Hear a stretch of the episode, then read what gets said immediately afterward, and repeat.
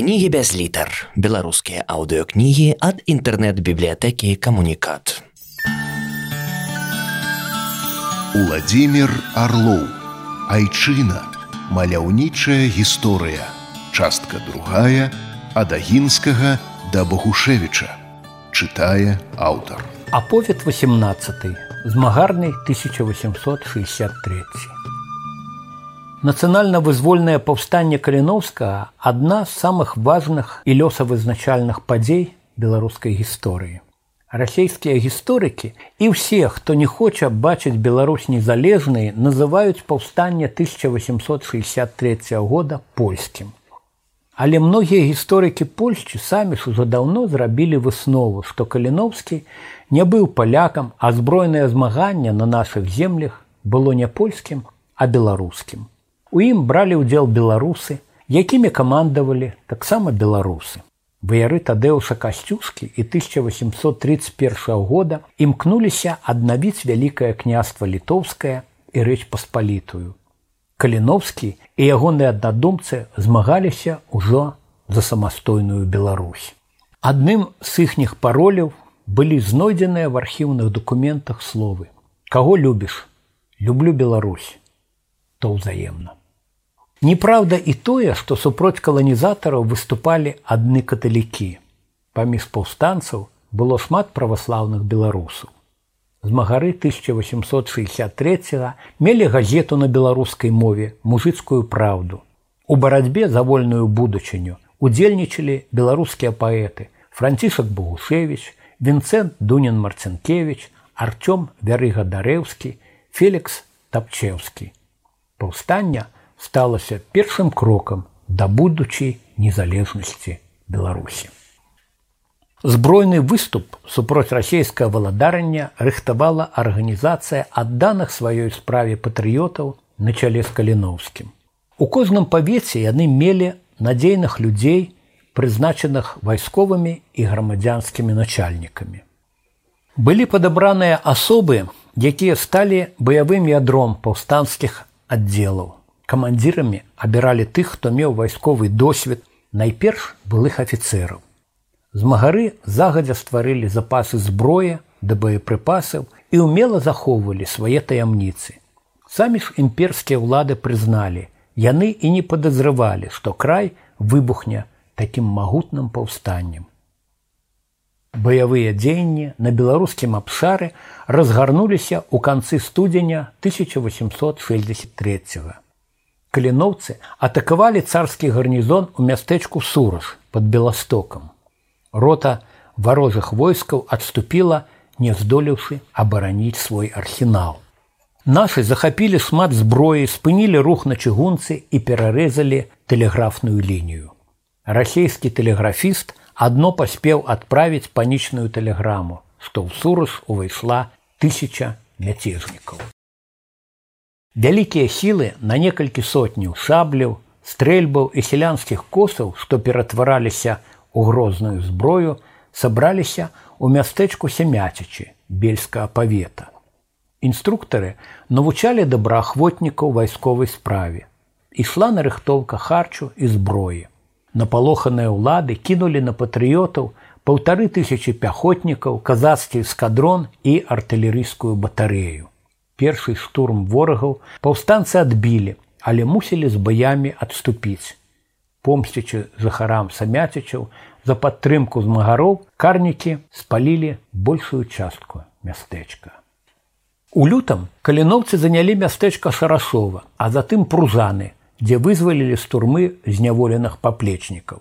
Сакавік красавік стаў часам хуткага стварэння баявых аддзелаў ува ўсіх губернях часовы ўрад літвы беларусі паставіў мэту каб у кожным павеце за зброю узяліся 100 150 ваяроў у іхнія шэрагі уступалі шляхта чыноўнікі студэнты навучэнцы патрыятычна настроены афіцеры расійскага войска пятую частку паўстанцкіх сілаў складалі сяляне што адгукнуліся на заклік да барацьбы надрукаванай у мужыцкай праўдзе яны сталі касінерамі ваярамі узброенымі вертыкальна насаджанымі на касільны косамі. Бесстрашныя касінеры наводзілі на ворагаў жах, і дапамаглі здабыць не адну перамогу. На лічыне паспяхова ваявалі з ворагам падначаленыя Людвіка Нарбута. Чатыры сотні налічваў аддзел вайсковага начальніка гарадзенскага воеводства валераў рублеўскага. Ён не раз даваў годны адпор варозам войскам, хоць нашы змаганцы спярша мелі ўсяго 230 паляўнічых стрэльбаў і 100 косаў, а сёй той наогул адну дубіну. Пад камандаю Зыгмунда Сераковска на Ковеншчыне ваявала цэлае двухтысячнае злучэнне. З баямі прайшоў з берасцейшчыны да слуцкага павета аддзел рамана рагінскага. Пад барысавам паўстанцы узялі ў палон царскага генерала. У кобрынскім павеце гераічна адбівалі наступ варожых сілаў падначаленыя Рамуальда Траўгута, Паўстанскі начальнік магілёўскага воеводства Людвік Звяздоўскі ў траўні заняў на ўсходзе Беларусі горад горы горкі. З магароў падтрымалі студэнты тамтэйшага земляробчага інстытута і павятовай вучэльні. Ліцвінскай кавалерыі на гарадзеншчыне камандаваў Казімир Кабылінскі. Ён далучыўся да барацьбы разам з трыма сынамі і ўдзельнічаў да сваёй гераічнай гібелі ў 20 баях. Самааддана кіравалі паўстанцамі Цітус Далеўскі, Генрык Дмаховскі, Антон Трусаў, Тамас Грыневич, Фелікс Веслабух, Юльян Бакшанскі, Лявон Плятар, Баліслаў Святарэцкі, Ігнат Будзілович, Антон Грабніцкі, Вінцэнт Козел Паклеўскі, Баліслаў Калышка, Францішак Юндзел і дзясяткі іхніх баявых пабрацімаў. Гераізму і лёсам паўстанцкіх камандзіраў будзе прысвечанае асобнае павіданне. Баі ды сутычкі з карнымі войскамі адбываліся на ўсім абшары краю. Гісторык Зміцер Мацвейчык напісаў пра гэта захапляльную і грунтоўную кнігу паўстання 1863-1864 гадоў у Беларусі. Нарыс баявых дзеянняў. Яе трэба прачытаць кожнаму, хто хоча адчуць атмасферу таго часу, прайсці змагарскімі дарогамі і сцежкамі. Цікавая і малавядомая старонка тых гераічных падзей рэйкавая вайна. Вы ведаеце, што ў гады другой сусветнай вайны такую барацьбу вялі супроць нямецкіх акупантаў беларускія партызаны. Не менш гераічна дзейнічалі на несматлікіх яшчэ праўда чыгунках нашы патрыёты ў 1863. На самом пачатку барацьбы у руках паўстанцаў апынулася частка чыгуначнага шляху, што вёў з варшавы да Беластока.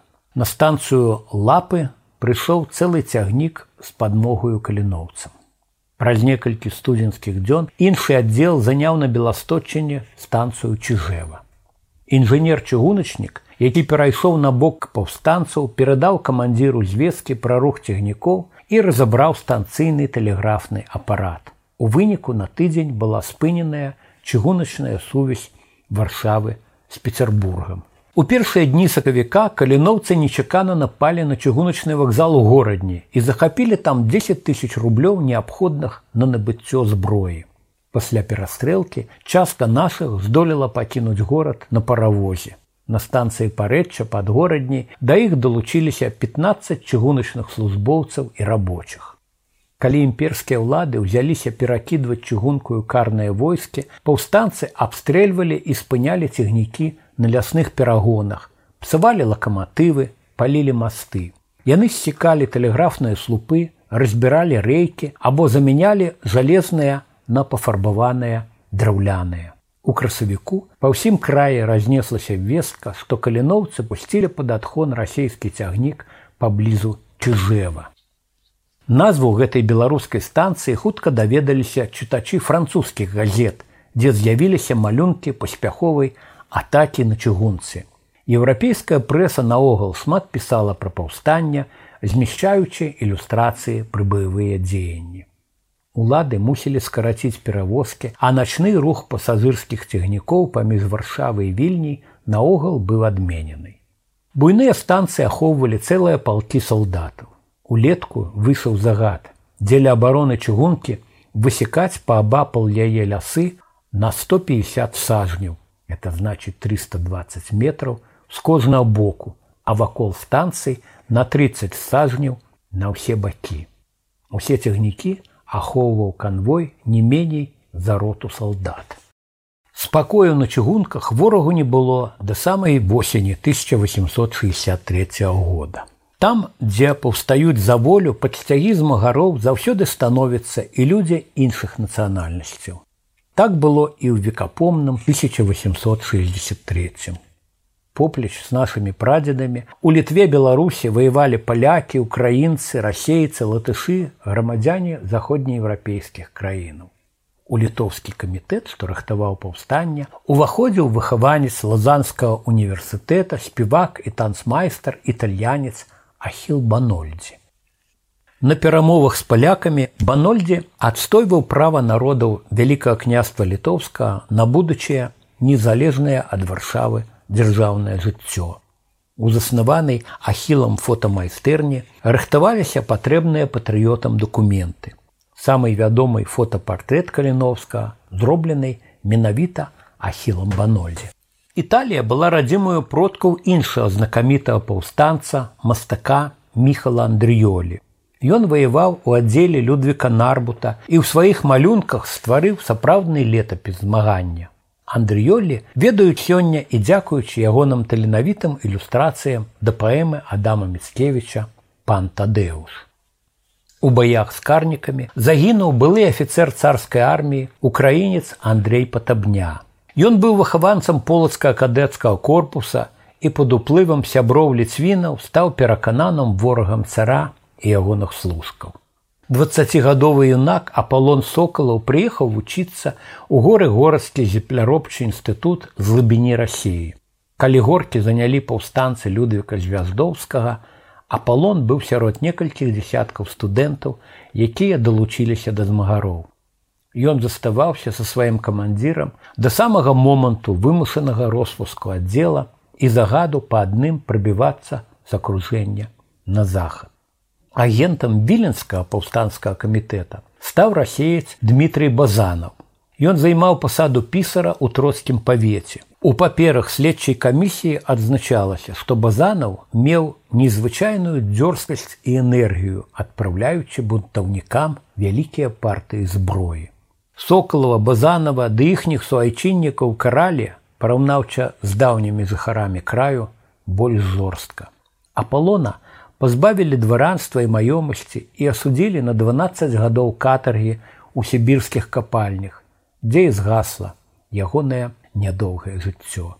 Захаваліся звесткі пра тое, што ў палон да расійскіх карнікаў трапіла некалькі параненых чарнаскурах з магароў мурынаў. Паміж каліноўцамі былі сыны вугорскага, это значыць венгерскага народа. Паўстанцы катаржані пакінулі ва ўспамінах сведчанні, што разам з імі У Сібіры мужна адбывалі цяжкое пакаранне іхнія таварышы па зброі французы. Кажуць, што айчыну не выбіраюць, але кожны можа выбраць свабоду. А зараз пойдзе гаворка пра нашых мужных жанчын, якія таксама далучыліся да змагання.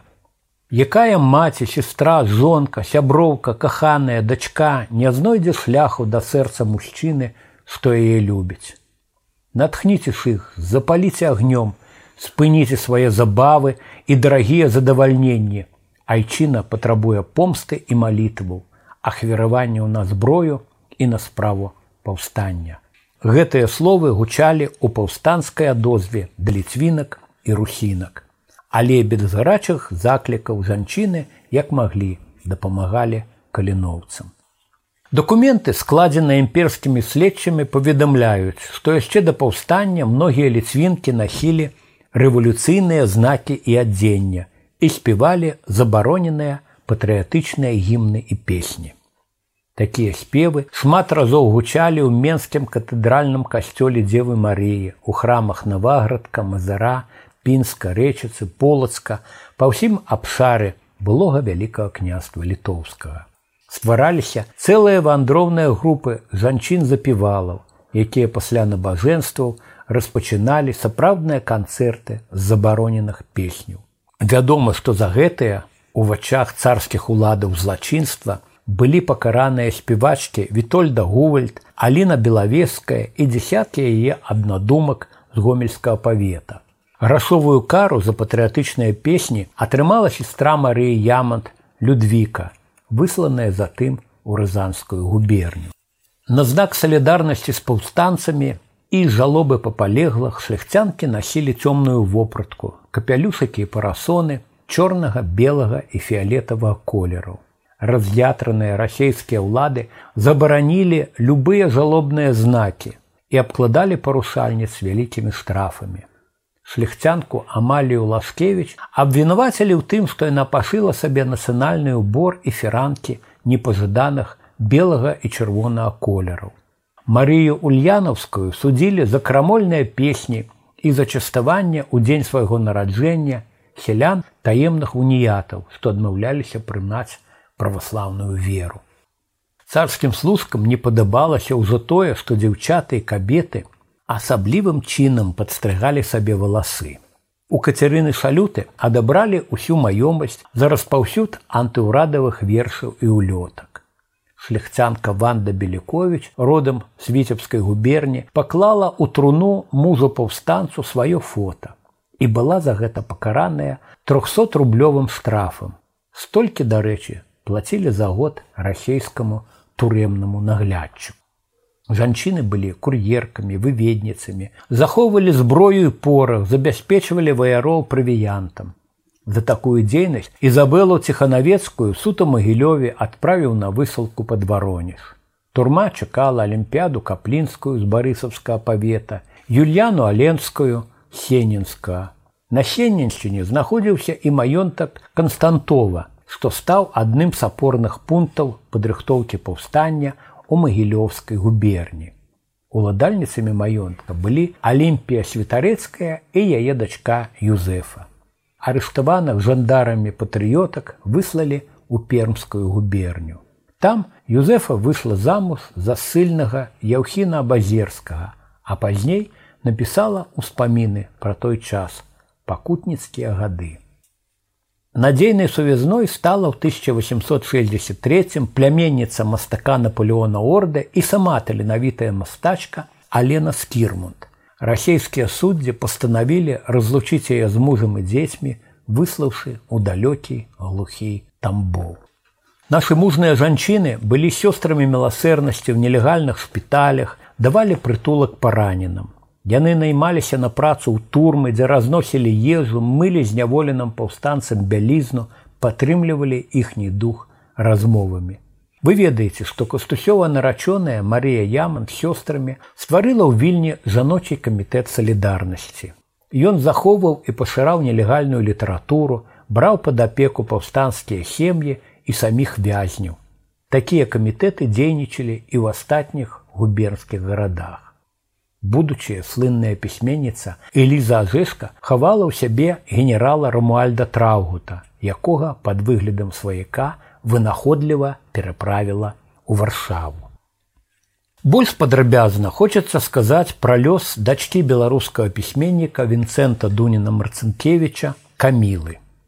Яна яшчэ ў дзяцінстве здзіўляла ўсіх бліскучымі музычнымі здольнасцямі. Каміла цудоўна спявала і грала на піяніна, З васьмі гадоў дзяўчынка давала канцэрты ў Менску, вільні, Киеве, варшаве. У праграме была музыка яе ўлюбёных кампазітараў Фредерыка Шапена і ферэнца ліста, ды ўласныя творы. Дзяўчынка мела і акторскі талент. Яна выходзіла на сцэну ў менскай пастаноўцы оперы селянка, музыку да якой напісаў Станіслав Манюшка, а лібрэта это значыць тэкст бацька каміл. У Менску і ў мястэчку гарадок на маладзечыншчыне каміла стварыла школы для дзяцей з бедных сем'яў і сама навучала іх музыцы і спевам. Але сябры ведалі і іншую камілу. У яе дома праводзіла сходы менская арганізацыя літоўскага камітэта, што займалася падрыхтоўкай паўстання. Каміла Марцынкевич таксама уваходзіла ў гэты камітэт. У 1861 годзе паліцыя высачыла патрыётку. За ўдзел у вулічных дэманстрацыях і навучання менчукоў рэвалюцыйным гімнам дзяўчыну змясцілі ў вар'ятню. Хваробую палічылі любоў да айчыны і мары наблізіць яе вызвалення ад расейскага ярма. жыхары горада шматлюдна пратэставалі пад сценамі ператворанай у турму лекарні. Зняволенай штодня прыносілі жывыя кветкі, для яе спявалі песні. Каб спыніць гэтыя пратэсты, улады вымушаныя былі вызваліць гэтак званую хворую.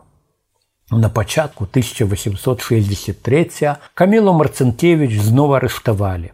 Падставай стаў данос царскага салдата, да якога яна звярнулася з прапановую прадаць зброю. Камілу трымалі ў турэмным пішчалаўскім замку і ў былым кляштары бернардзінаў. Там падкупленыя наглядчыкі перадалі ёй ліст з прызнаннем у каханні ад зняволена караля станкевича, аднаго з кіраўнікоў менскіх змагароў. Каміла ўражвала катаў сваім непахісным духам, калі паўстанца Яна Жмачынскага вялі на смяротнае пакаранне, дзяўчына з вакна сваёй камеры кінула яму пад ногі букет кветак. Камілу на 25 гадоў выслалі пад паліцэйскі нагляд у паўночны горад Салікамск, адкуль яна змагла вярнуцца на радзіму адно праз 20 гадоў, калі цяжка захварэла. Толькі нядаўна ўдалося знайсці магілу мужнай ліцвінкі. Яна пахаваная, на віленскіх бернардзінскіх могілках, што на вуліцы полацкай. І яшчэ адзін гераічны жаночы лёс. Адданай паплечніцай Зыгмунта Сераковскага стала ягоная жонка Апалонія. Яе называлі першай прыгажунію на літве. Апалонія паходзіла з роду далеўскіх, які даў паўстанню трох кіраўнікоў. Пасля смерти мужа на сустрэчы з віленскім генерал-губернатарам мурав'ёвым, што вызначаўся неверагоднай жорсткасцю ў расправах з патрыётамі, Апалонія прасіла не асуджаць яе на выгнанне з роднага краю. Яна спасылалася на кепскае здароўе і сваю цяжарнасць. На словы удавы сераковска, што ў глыбіні рассеі яна не зможа знайсці для сябе дзіцяці добрых дактароў, мурав'ёв адказаў: тым лепей народжаную ў высылцы дачуску, Апалонія назвала у гонар мужа зыгмунтай. Малая пражыла усяго адзін год. Апалонія сераковская напісала ўспаміны пра той незабыўны час. Яны поўныя горычы смутку, але і найцікавейшых дэталяў, што дазваляюць аднавіць шматлікія падзеі паўстання і стварыць партрэты яго герояў. Нельга без хвалявання чытаць, як паўстанцы прыслалі ў вільню да апалоніі свайго пасыльнога. Ён попрасіў перадаць яму частку касулі зыгмунта, у якой той быў паранены і паланёны. Баявыя паплечнікі, што бязмежна любілі свайго камандзіра, абяцалі падзяліць тканіну на часткі і разласлаць па змагарскіх аддзелах. Тыя едвабныя, шэрыя ў чорную кратку кавалачкі кашулі, натхнялі ваяров за волю разам з баявымі сцягамі. Апалонія пераканаўча даводзіць, што паўстанне ў літве Беларусі не было польскім. Яна згадвае, напрыклад, сход, дзе адзін з камандзіраў Уладзіслав Малаховскі палымяна выступіў супроць варшаўскай апекі. Досыць нам гэтай залежнай ролі. Варшава не разумее нашых патрэбаў, павінны самі радзіць сабе пра дабро сваёй зямлі. Польскі камісар мае усяго дарадчый голас. У шэрагах паўстанцаў 1863 былі і падлеткі. Ім не дазвалялася удзельнічаць у баях і юныя патрыёты дапамагалі старэйшым іншым чынам. Падтрымлівалі сувязь паміж аддзеламі, дастаўлялі звесткі пра перасоўванне і ўзбраенне карнікаў. Звычайна апранутыя па-сялянску хлопчукі удала спраўляліся з заданнямі там, дзе дарослыя выведнікі маглі лёгка трапіць на падазрення. Адным з такіх сувязных выведнікаў быў 12гадовы Стас Віткевич. Хлопчык меў незвычайную памяць і мастацкія здольнасці. Ён мог запомніць колькасць варозых салдат і афіцэраў і намаляваць іхні лагер, за што шмат разоў атрымліваў падзяку ад камандзіраў. Сям'ю Віткевічаў разам са стасем выслалі з родных мясцінаў у сібірскі Томск. Праз 20 гадоў Станіслав стаў мастаком і вырашыў перанесці незабыўнае ўражанне падлеткавых гадоў у свае карціны. На іх яскрава ажываюць адметныя асобы і падзеі таго часу. У нацыянальным музеі ў варшаве можна ўбачыць самы знакаміты твор Віткевіча параненай паўстанец. Сябры мастака 40 гадоў хавалі гэтую карціну, каб яна не трапіла ў рукі уладаў. Вядома, што ёю захапляўся славуты польскі пісьменнік Генрык Сянкевич. Магілёўскага падлетка Алексея Вайніловича адправілі ў высылку, калі той меў усяго 14 гадоў. У Сібір ён ішоў пад канвоем у адной калоніі з дарослымі высланцамі. Нягледзячы на пакуты, Алексей вёў дзённік, дзе пакінуў апісанні і малюнкі таго пяцельна цяжкога шляху. Напрыклад, у Маскве, каб запалохаць арыштантаў, ім паказалі клетку, дзе калісьці у 10 кілаграмовых ножных кайданах трымалі перад пакараннем смерцю правадара сялянскай вайны ў рассеі Емельяна Пугачова. Цяпер дзённік юнага змагара захоўваецца ў градзенскім гістарычна-археалагічным музеі. А ці чулі вы такую назву мелавіды ці ведаеце што ў тых мясцінах адбывалася ў 1863 годзе на абшары былога вялікага княства каліноўцы прывялі з імперскімі войскамі 237 баёў і баявых сутычак найбольш паспяховая бітва адбылася 3 чэрвеня под вёскую мелавіды слонімскага павета цяпер гэта баранавіцкі раён там злучыліся 5 аддзелаў слонімскі ваўкавыскі гарадзенскі наваградскі і прузанскі імі камандавалі францішак юндзел густаў стравінскі александр лянкевич бітаут меладоўскі і фелікс улодак узначалі ўзлучення з 800 ваяроў былы падпалкоўнік царскай арміі вайсковы начальнік гарадзенскага павета александр лянкевич які за гераізам у баях атрымаў звання палкоўніка паўстанцкіх сілаў У ягоным аддзеле разам са шляхтай ваявала сотня пераважна праваслаўных сялянаў. Нашы сталі умацаваным вайсковым лагерам каля шашы берасця бабруйск. Напярэдадні бітвы паплечнікаў па барацьбе наведаў і прамаўляў перад імі кастусь каліноўскі. Бой сіламі Лянкевіча вела прыблізна такая ж колькасць ворагаў, але яны былі значна лепей узброеныя і мелі гарматы. Бітва з перампенным поспехам доўжылася 9 гадзін. Непрыяцельскія атакі з розных бакоў гераічна адбівалі і шляхта і сяляне касінеры на чале з янам ельскім і ксянзом феліцыянам лашкевічым. Захаваліся звесткі, што ў бітве удзельнічалі мастак міхал Андрыёлі і будучы паэт францішак Бушевич.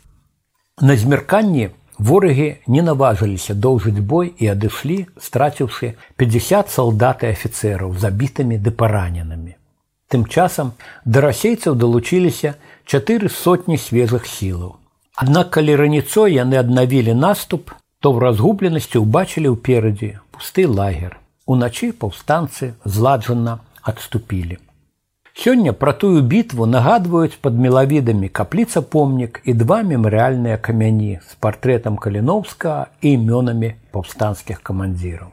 Каля іх заўсёды кветкі. Супроць каліноўцаў дзейнічала амаль 150-тысячная імперская армія.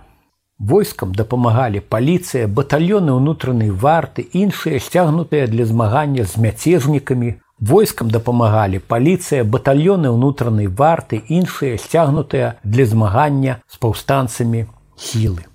Яны мелі 120 палявых гармат.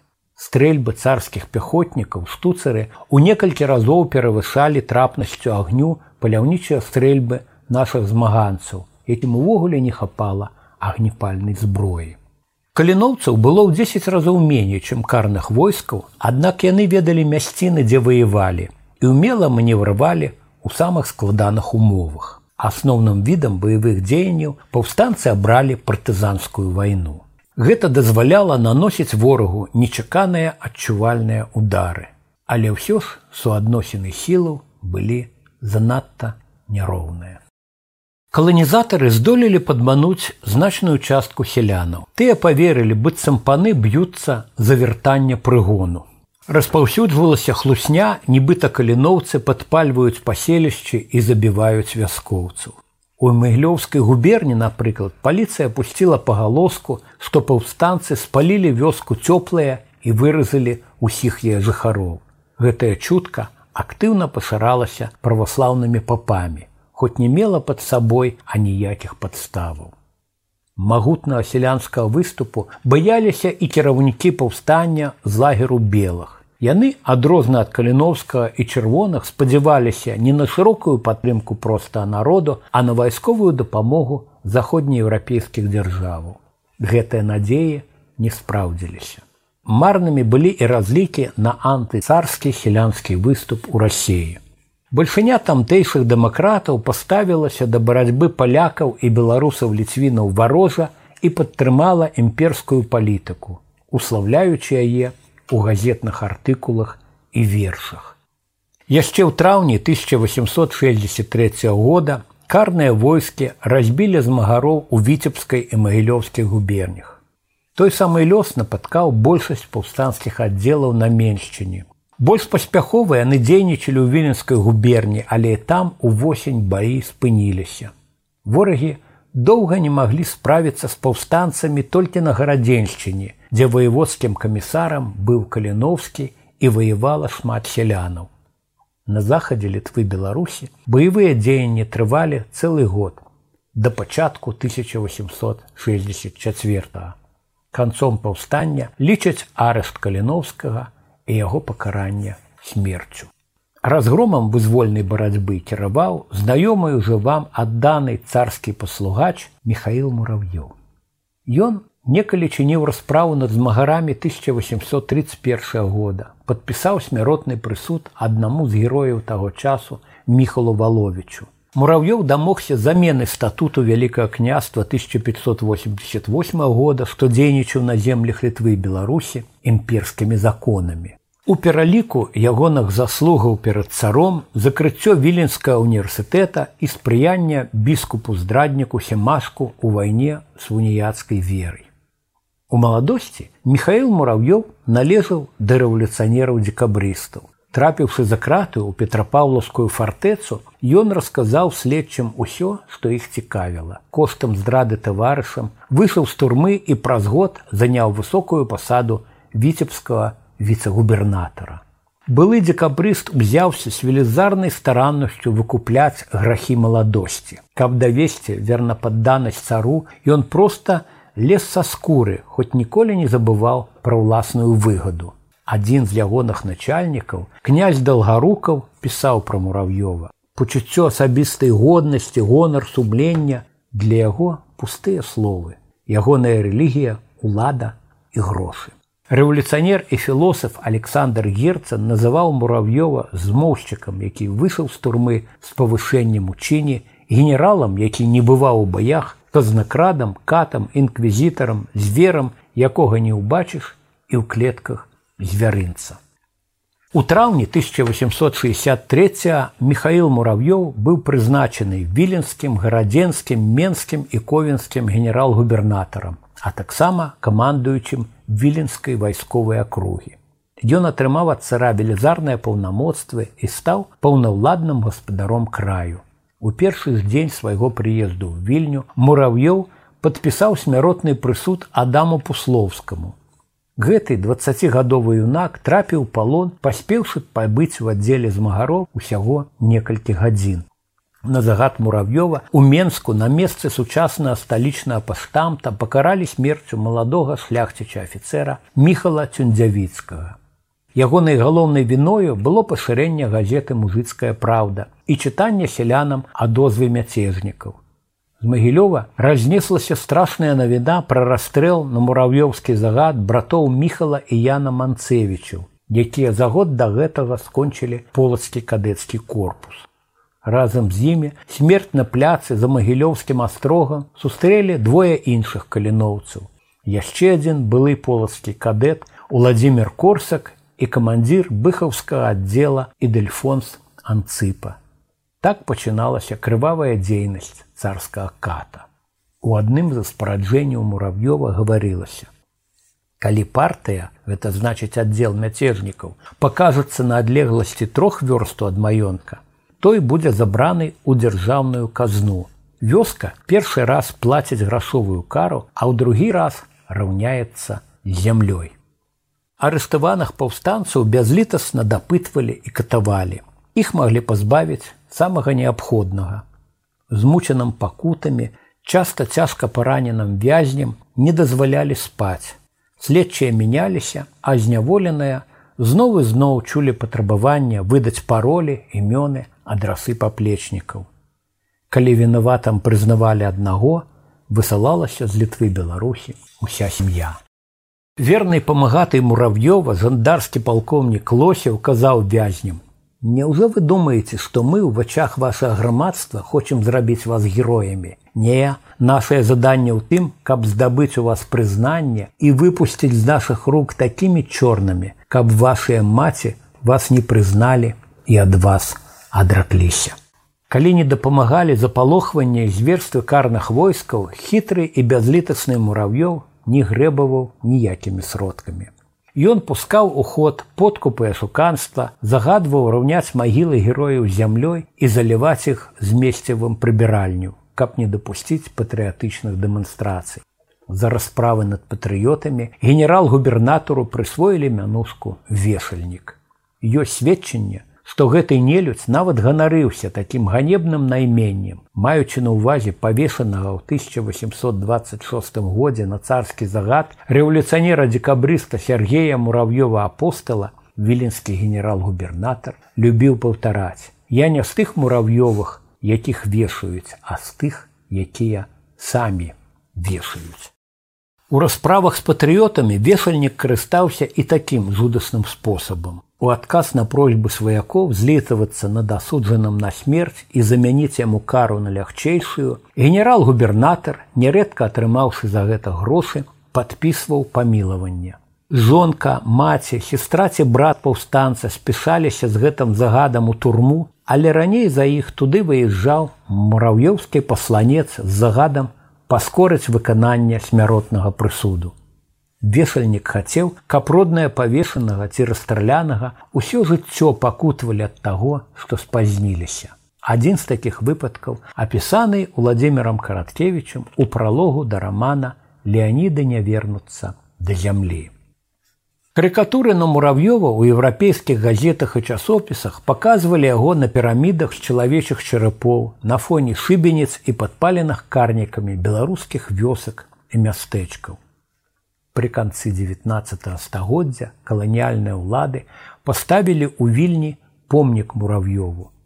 Беленчукі зруйнавалі яго ў часе першай сусветнай вайны адразу як царскія войскі адступілі з горада абломкі помніка пайшлі на будаўніцтва грамадскай прыбіральні.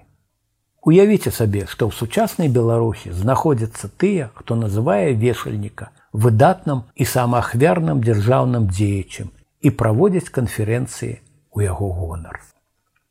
На баку мурав'ёўскіх памагатых у часе паўстання была бальшыня літаратараў рассіі. Яны таксама хацелі, каб у імперыі усе народы ўрэшце зрабіліся рускімі.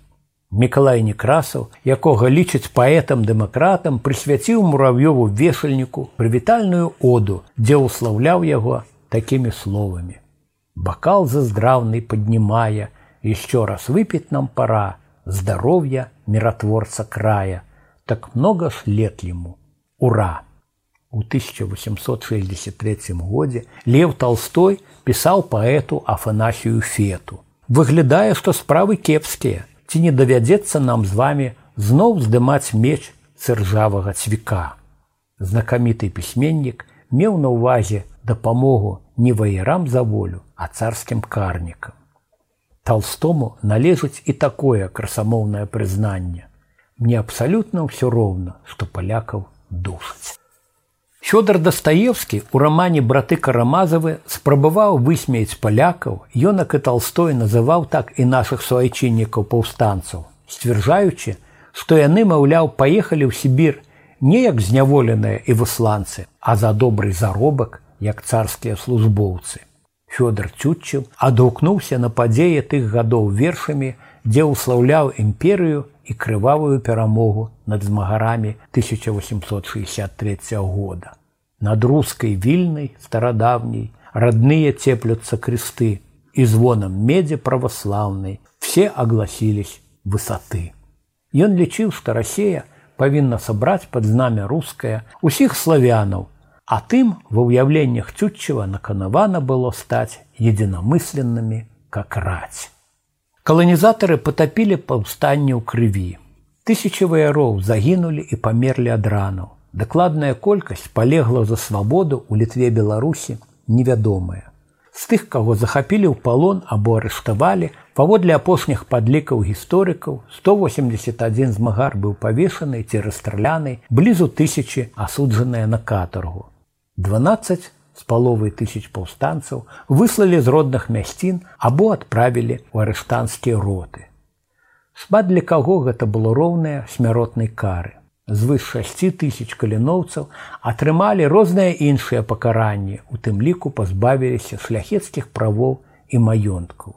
Не злічыць тых, хто ратуючыся ад пераследу, развітаўся з айчынай. За падтрымку паўстанцаў у многіх беларускіх вёсках знішчалі ўсе пабудовы і ўсіх жыхароў высылалі ў Сібір. У адным лідскім павеце такі лёс напаткаў вёскі зубарва, кракшлі, лініца паддуб'я, гасценак шчукі. За слуцка адправілі на катаргу у арыштанскія роты або на высылку 400 жыхароў, настаўнікаў, лекараў, зусім юных гімназістаў. У краі былі ўведзеныя законы, накіраваныя на поўную русіфікацыю, ператварэння жыхароў у расейцаў. Дзейнічалі шматлікія абмежаванні для беларусаў каталікоў, для палякаў і габрэяў. Шмат касцёлаў улада зачыняла і перадавала праваслаўнай царкве. Існавалі толькі школы, дзе вучылі па-расейску. На беларускай мове былі забароненыя кнігадрук і выдання газет з часопісамі не дазвалялася размаўляць па-беларуску ў царскіх установах. Па ўсім краі на загад мурав'ёва замест даўнейшых храмаў з адметнай айчыннай архітэктуры будаваліся аднолькавыя праваслаўныя цэрквы мурав'ёўкі. Беларусь мурав'ём хацеў ператварыць участку рассеі. Памагаты вешальніка кіраўнік віленскай навучальнай акругі Іван Карнілаў, якому падпарадкоўваліся ўсе школы наша краю, любіў паўтараць, што не дарабіў тут расійскі штык даробяць расійская царква і расійская школа. За ўдзел студэнтаў у збройнай барацьбе улады зачынілі адзіную на той час у літве беларусі вышэйшую навучальню горы горадскі земляробчы інстытут. Замкі павесілі на дзвярах віленскага музея старажытнасцю. Самыя каштоўныя экспанаты вывезлі адтуль у рассею і цяпер яны ў маскоўскім дзяржаўным гістарычным музеі. Сяброў віленскай археалагічнай камісіі абвінавацілі ў спачуванні мяцежнікам і імкненні аднавіць вялікае княства.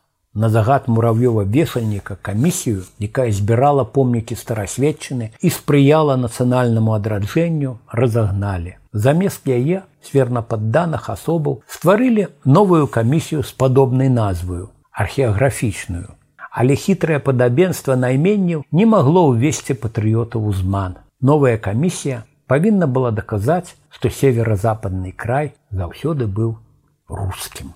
Пад расправу трапілі нават даўнейшыя назвы гарадскіх вуліц і плошчаў. У Менску плошчу высокі рынок улада перайменавала ў саборную, вуліцу бернардзінскую у манастырскую, валуцкую у хрысчэнскую, дамініканскую, у петрапаўлаўскую, зборавую у турэмную, зыбецкую у балотную, францішканскую у губернатарскую, філіцыянаўскую у багадзельную. Вуліцы з падазронамі для царскіх служак назвамі былі пераназваныя паўсюль. У горадні, напрыклад, брыгіцкая зрабілася купецкай, баніфратарская татарскай, дамініканская саборнай.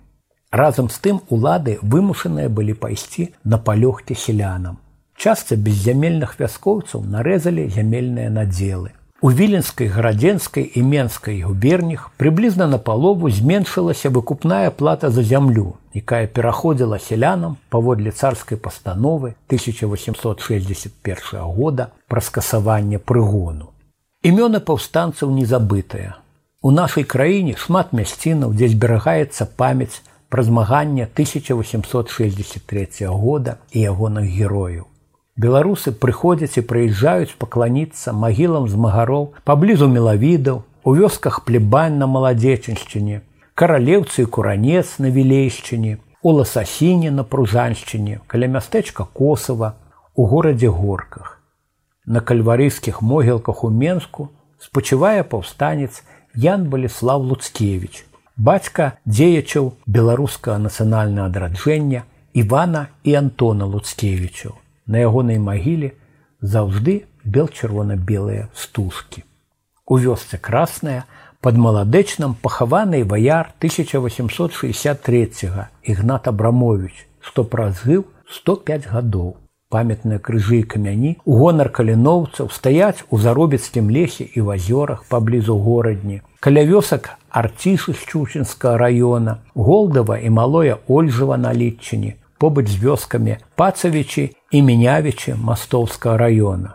У былым засценку станкевічы недалёка ад ліды захавалася збудаваная з магарамі 1863 года капліца, дзе яны маліліся, ідучы на бой. У месцах баёў з карнікамі у ваколіцах вёскі новы двор хвіслацкага раёна і мястэчка лыскава на пружаншчыне праз магарскія часы нагадваюць шасціметровыя стэлы з пагоняй і словамі айчына абаронцам сваім. Да 150годдзя паўстання велічны крыж шэрага граніту у форме вялізнага меча з'явіўся ў вёсцы слабодка на астравеччыне. На крыжы выява пагоні і дарагі нам пароль. Каго любіш? Люблю Беларусь. У будучыні на беларускіх вуліцах і плошчах павінны з'явіцца помнікі, у якіх скульптары ўвасобяць абліччы тых, хто ў 1863-1864 годах змагаўся і аддаваў жыццё за вызваленне айчыны. Адным з такіх манументаў у Менску можа стаць помнік Міхала Цюндзявіцкаму, першаму патрыёту, пакаранаму тады смерцю у нашай цяперашняй сталіцы. Пакуль жа зусім недалёка ад месца расстрэлу шляхціча Чундзявіцкага стаіць на вуліцы валадарскага, бронзавы помнік царскаму гарадавому, усталяваны тымі, хто намагаецца працягваць чорную справу мурав'ёва вешальніка.